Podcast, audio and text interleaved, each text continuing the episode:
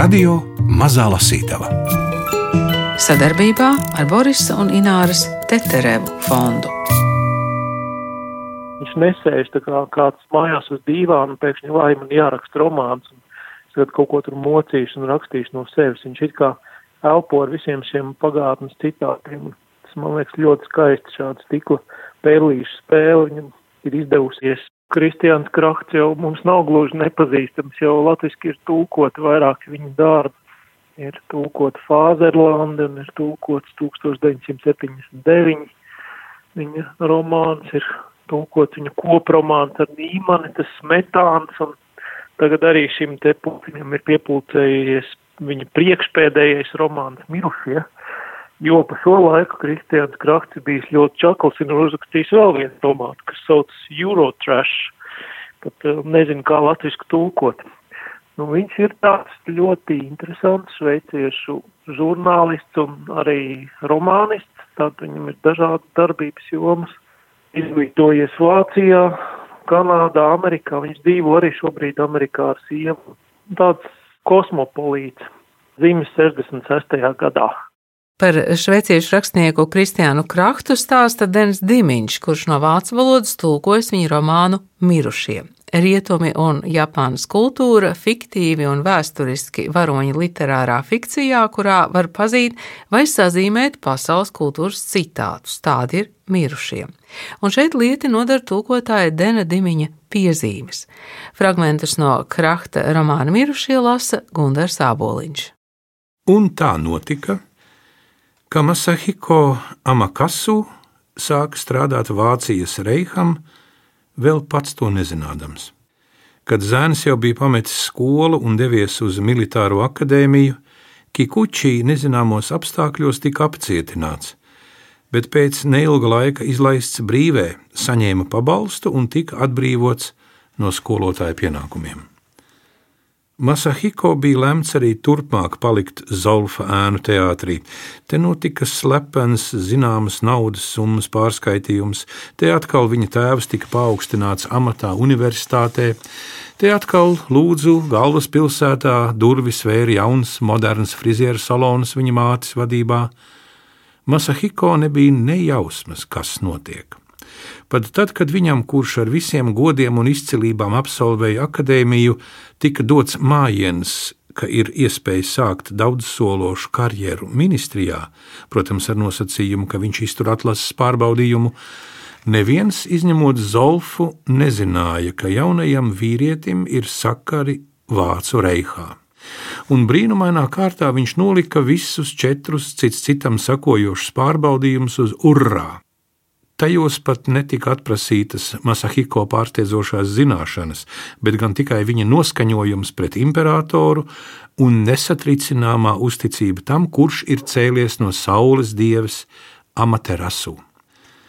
Sēkla tā tad jau bija iedēstīta.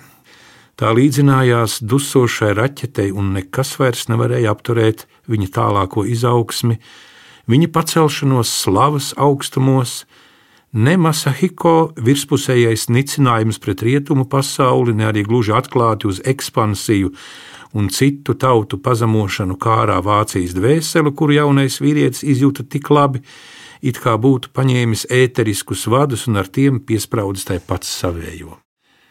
Un skolotājs Kikučī atdevis viņu savu zēnu prom pasaulē, pēc nepilna gada viņa arestu. Viss izlikās nemanām, Viņš tika aizsūtīts pensijā, un viņam pavērās brīvā laika bezdibenis, bezgalīgs nekā nedarīšanas okeāns. Viņš sabijās, tad iegājis sevi un gandrīz aptvēra, ka ir vēl šis tas apdarāms. Pirmkārt, viņš gribēja aizvākt nepievilcīgos tērauda zobus, ko viņam reiz ieskrūvēja žoklī, jo bērnībā viņš bija pārmērīgi nodevies našķēšanās baudai. Tā kā viņam nedēva mieru bailes no gaidāmajām mocībām un arī nolūkā padarīt rāmāku savu miesu un garu, viņš katru pēcpusdienu sāka apmeklēt sporta klubu, lai iemācītos lokšaušanu. Tur viņu cienīja, un viņš parādīja talantu un sportisku eleganci, un kad viņš pacēla loku virs pieres un iztukšoja savu esamību, ļaujot tai saplūst ar bultu un mērķi, Viņam izdevās ne tikai likt nozust Masahiko sejai, bet arī nepārtrauktajām baisajām domām par zobiem un drīzumā plānoto operāciju.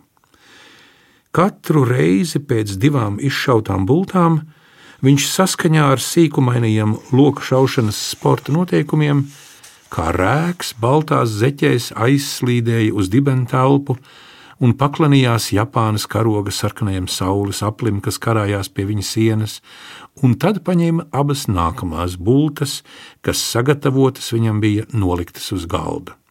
Un kad viņš vēlā pēcpusdienā tramvajā brauca māju cauri blīvi apdzīvotiem kvartāliem, viņš, pateicoties loka šaušanai, vairs nejūta vecuma vientulību, kas pēc pensionēšanās viņam bija pielipusi kā nomaukts zaķa kažoks. Viņš zināja, ka mājās vārīs tēju, iedīs drusku rīsu un vēros ēnas. Uzmanīgi, gandrīz kautrīgi, lai neizbiedētu šo trauslo domu, viņš sāka apsvērt iespēju pievērsties vēl kādam vaļas priekam. Kādu dienu viņš smaidot iztēlojās, ka viņš varētu sākt krāt porcelāna uzpirksteņus. Viņš atstāja tērauda zobus mutē, No vāciešiem, no vēstnieka Zolfa, viņš vairs nesaņēma nekādas ziņas. Vienreiz pienāca neliela naudas summa, ko viņš pietaupīja, lai savā pēdējā apaļajā jubilejā pirms nāves varētu atļauties burvīgas vakariņas kādā no galvaspilsētas smalkākajiem restorāniem. It kā formāli viņam ir gan laiks, gan vieta. Tas ir pirms otrā pasaules kara laiks, tātad 20. gadsimta 30. gadi un vieta attiecīgi tad vairāk ir tā kā gan viņa autora dzimtā Šveice, gan Vācija, Berlīna, kur režisors Emīls Nēgeli dodas pēc naudas, kad, teikt, ja viņš ir grāmatas galvenie varoņi, uzreiz var sākt ar to ir Emīls Nēgeli, kas ir šveiciešu režisors, fiktīvs tēls, un tāds Masahiko Amakasu, kas arī ir Japāņu aktieris, arī fiktīvs tēls tie divi tādi tā, tā, centrālās romāna asis. Tātad viena ir tā šveiciskā, vāciskā līnija, un otra ir Japāna. Un tad vēl pavisam īsu brīdi mēs no šī romāna pārceļamies uz Ameriku pašās beigās, bet nu, tā līnija ir, var teikt, tik strauja, ka gribētos palikt pie šīm divām lielajām asīm. Dažas nedēļas pēc tam, kad viņš bija nosūtījis uz Vāciju filmu un vēstuli, kādu rītu Amakasu iespīlējies frakā, aizbrauca uz pieņemšanu amerikāņu pārstāvniecībā, kur bija paredzēta pasaules slavenā aktiera Čārlīja Čaplina godināšana. Viņš tobrīd atradās tādā kā izlūka braucienā pa Japānu kopā ar savu uzticamo kalpu Toraichi Kono. Tās smieklīgās filmas, kurās Čaplins tēlo situatīvu neveiksmi piemeklētu trūkumcietēju, kas par spīti visām nedienām tomēr izkuļas sveikā, šeit bija pasakaini populāras. Kaut kas iekšējā dziļi anarchistiskajā nostājā, kas bija jūtama mazā neiedzīga tērptā, allaž melanholiski amizantā ūsaiņa tēlā, kaut kas viņa izdzīvotajā sangfruā dziļi aizkustināja Japāņu dvēseli. Skatītāji aplaudēja viņa ekranizētajām dēkām un viņa dumpīgumu pret varu, ko lielākoties iemiesoja kretīniski policisti, publika uztvēra kā ārkārtīgi atbrīvojošu. Amakasu vairākas reizes pats sevi bija pieķēris tai vai citā ginzas kino, sitam sev pa celi un no sirds nepiespiest smējamies. Uz ekrāna nu dienu notika kaut kas ārkārtējs. Mazā proletārieša piedzīvotie likteņa triecieni un tiem neizbēgami sekojošās uzvaras vienlaikus gan mulsināja skatītājus, gan darīja viņus laimīgus. Tagad Amakasu no grantētā celiņa lika soli uz četriem, pieciem akmens pakāpieniem, kas veda uz galveno pārstāvniecības ieeju, kur spilgti izgaismoja starmešu kūļi, Kāds kalpotājs paklanījās un paņēma viņa pagalam salijušo cilindru un lietus sargu, un virsnieks baltos cimdos pasteidzās viņam salutēt, uz ko amakasu neapstādamies pamāja ar galvu.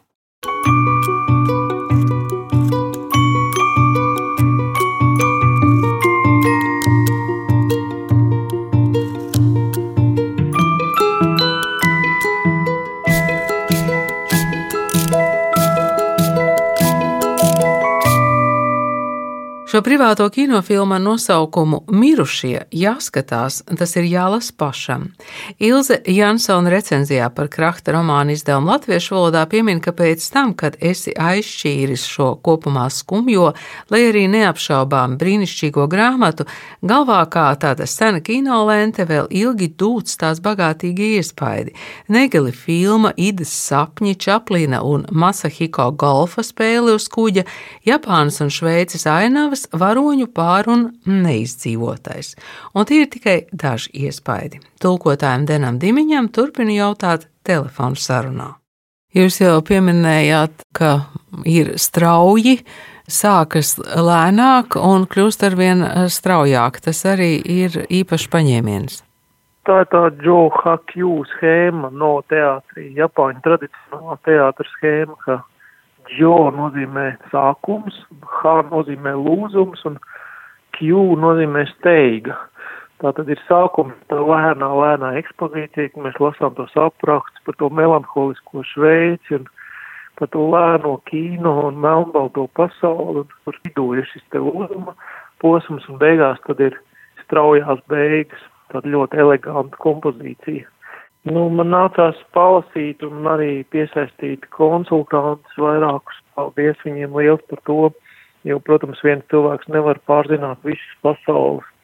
Interesanti, ka krahtam vispār varoņi ļoti bieži aizceļo kaut kādā tādā citā realitātē. Viņam gan Fāzerlandē, gan arī 1979, gan viņa netūkotajā romānā Imperium varoņi dodas uz tālām un eksotiskām vietām. Un un tur viņi it kā pastartējas, vai viņi meklē kaut kādu utopiju, vai redz sevi no malas. Ir tāds moments, ir arī mirušajos, kad Nēgele aizbrauc uz Japānu un grib tur it kā uzņemt kaut kādu lielu filmu par Japānas un fašistiskās Vācijas draudzību. Tas ir šis te pirms fašisma vai fašisma, var teikt, vēl pirms kara laiks, kad visi vēl nav sapratusi, ar kādām briesmām tas draudz. Var teikt, tas ir ceļojums kultūrās arī šajā romānā aprakstīts. Jūs pieminējāt uh, fiktīvas personas, bet ir arī reālas personas, vai vismaz reāli vēsturiskas personas, piemēram, mm, Čarlis Čaplins, vai, vai viņš ir reālos vēsturiskos apstākļos, vai, vai arī fikcijā? Viņš ir iecelts šajā fikcijā, un tā jau šo žānu sauc par vēsturisko metafikciju. Tur ir Čaplins, tur ir Lotte Eiznere, tur ir Krakauers, arī tāds kritiķis, tur ir Frits Langs, mums zinām, ja tur ir dažādi amerikāņu aktieri pieminēti, un viņi kā tur darbojas, bet paralēli viņiem ir arī fiktīvie varoņi, ir pilnīgi tādi tikai viņa romānu pasaulē esošie tēli, tas viss tur tā savīs kopā tādā pilnīgi fantasmagoriskā, var teikt, buķetē. Čaplins vairāk vai mazāk ir piespiedis Amakasu noturēt preses konferenci kurā vairāk nekā simt žurnālistu tagad pulcējas īpaši šim nolūkam rekvizētā Imperial Hotel balles zālē. Ir ieradies viss ķeizariskajā Japānā akreditēto starptautisko rakstītāju un viņu fotogrāfu kontingents. Francūži, itāļi, zviedri, krievi, protams, arī amerikāņi un vācieši, tad ķīnieši un viennozīmīgi arī kāds ducis angļu nav gala sagatavotajiem ērti uzstutētajiem stenogrammu bloknotiem, skicējošiem zīmētājiem un zipspuldžu paukšķiem. Kā parasts par starpnieku valodu ir izvēlēta angļu, jo pa gaisu lido dumji, gandrīz bezskaunīgi jautājumi, vai pēc viņa domām tagad Tokijā ir radies varas vakums, vai jaunie militāristi ir rīkojušies uz savu roku, kā īsti Čaplinam ir izdevies izvairīties no atentāta, vai filmu zvaigzne, domādams, ka pret viņu var vērst jaunus uzbrukumus, tagad ir apbruņots, un, ja tā, tad ar ko? Vai viņam pieder revolveris, ja tā, tad kādas markas, vai Čaplins tagad pametīs Japānu un pieminēs šo zemi ar ļaunu? To gan viņam, protams, nevarētu pārmest viņam, kurš šeit aplami uzskata par amerikāni, bet vai nevajadzētu arī godīgi pateikt, ka slepkavības mēģinājums pret viņu bija drīzāk vērsts pret simbolu, pret mazo klaidoni, pret aktiera ēnu uz sienas, nevis pret viņu personīgi. Kamēr Čaplins tiek apbērts ar šiem jautājumiem, viņš cenšas atrast kaut kādu vidusceļu starp jūtīgu angli un mūjābelīgu vispārējo simpātiju priekšmetu. Nu, dien būtu netaisni teikt, ka viņš šajos centienos izskatās pēc tīzleņa tikai tāpēc, ka viņš vaikstās un knosās un slauka nosvīdušo pieri. Īstenībā viņš paļaujas uz ilgā laikā, kas viņam šķiet kā gadu simteņi, publiskos pasākumos izkopto šarmu.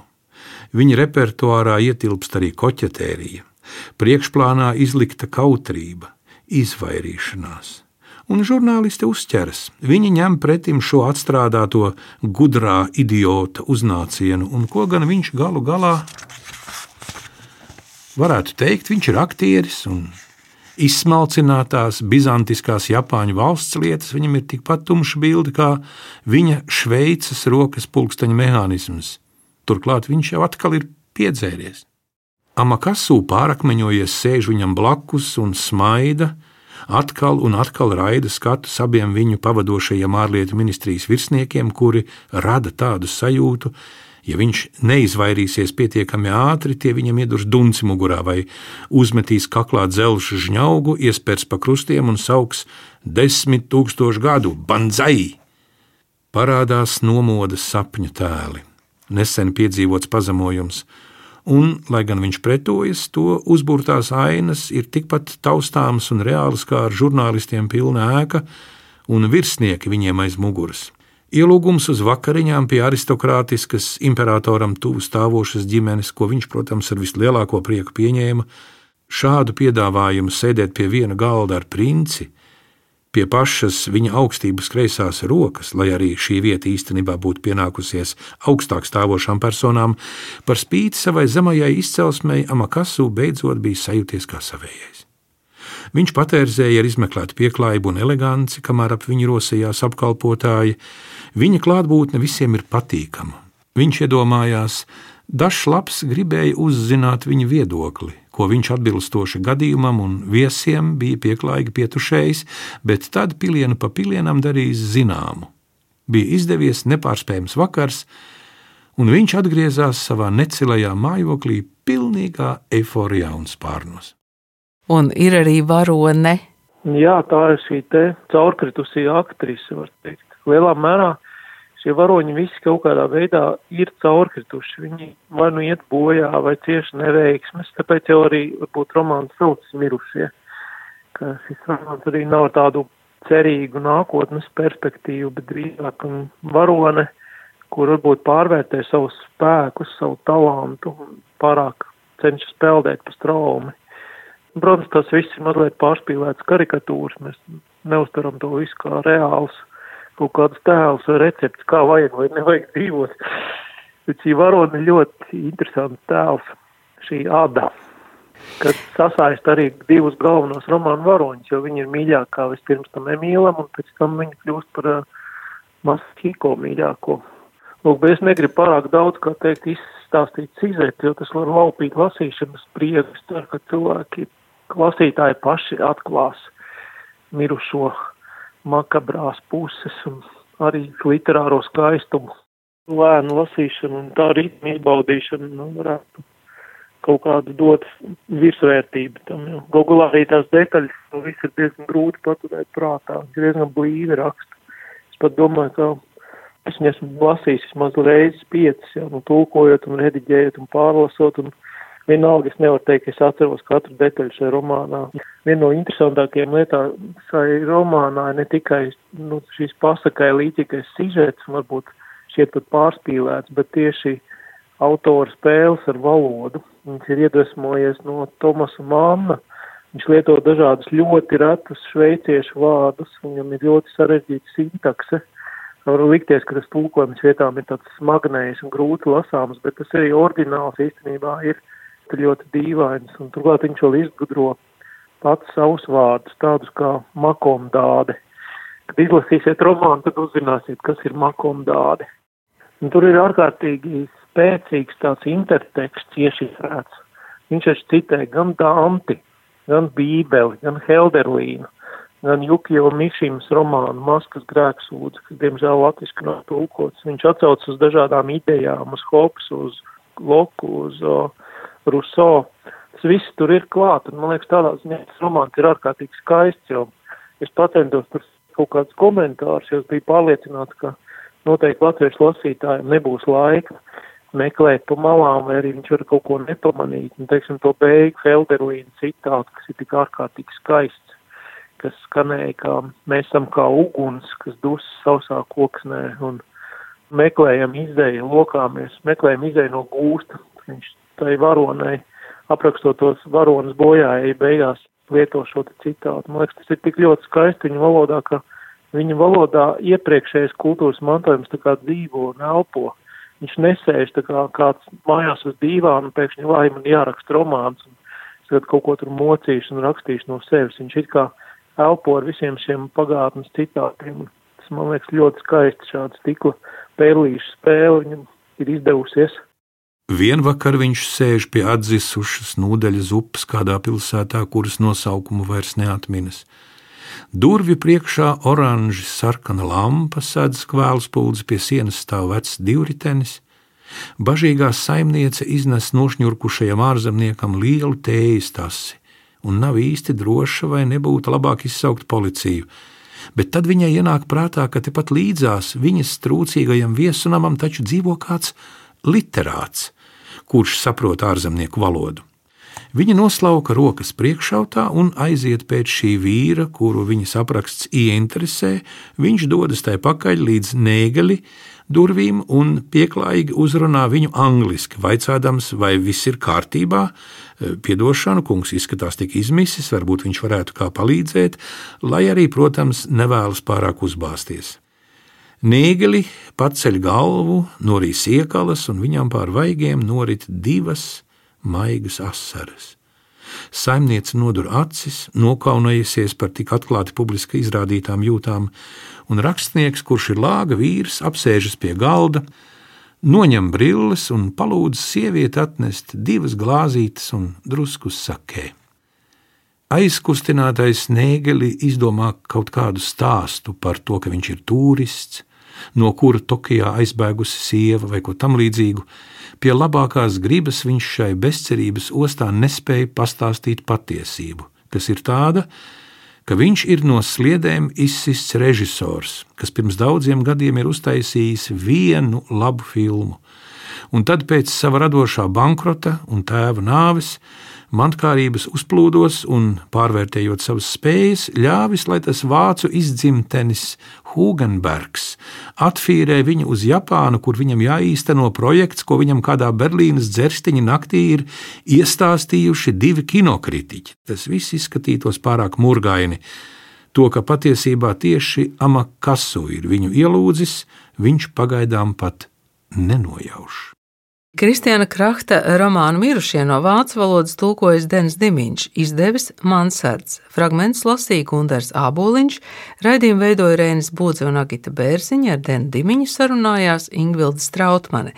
Vēl tikai jautājums par Krahta jaunāko romānu.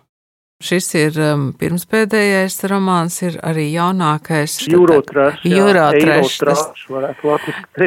Vai jūs to jau paguvāt izlasīt? Es vēl neesmu pagūs izlasīt, bet man viņš ir uz galda, jā, un tur var saprast, ka tas romāns savā veidā turpina Fāzerlandi, un tur rakstnieks tā kā no tās Amerikas, kur viņš ir iedzīvojies un iesakņojies, atgriezt dzimtajā Šveicē ģimenes apstākļu dēļ, un tur tiek aprakstīts, cik es noprotu, attiecības ar viņu māti, kas ir ļoti ekstravaganta, un vēl visādas dīvainas lietas, kas ir viņa ģimenē, ir tas skelets kapī. Tiek, kā teikt, tā traumatiskā pieredze kaut kā pārstrādāta. Noteikti tas romāns arī ir ļoti interesants. Jācer, kādreiz iznāks arī latviski.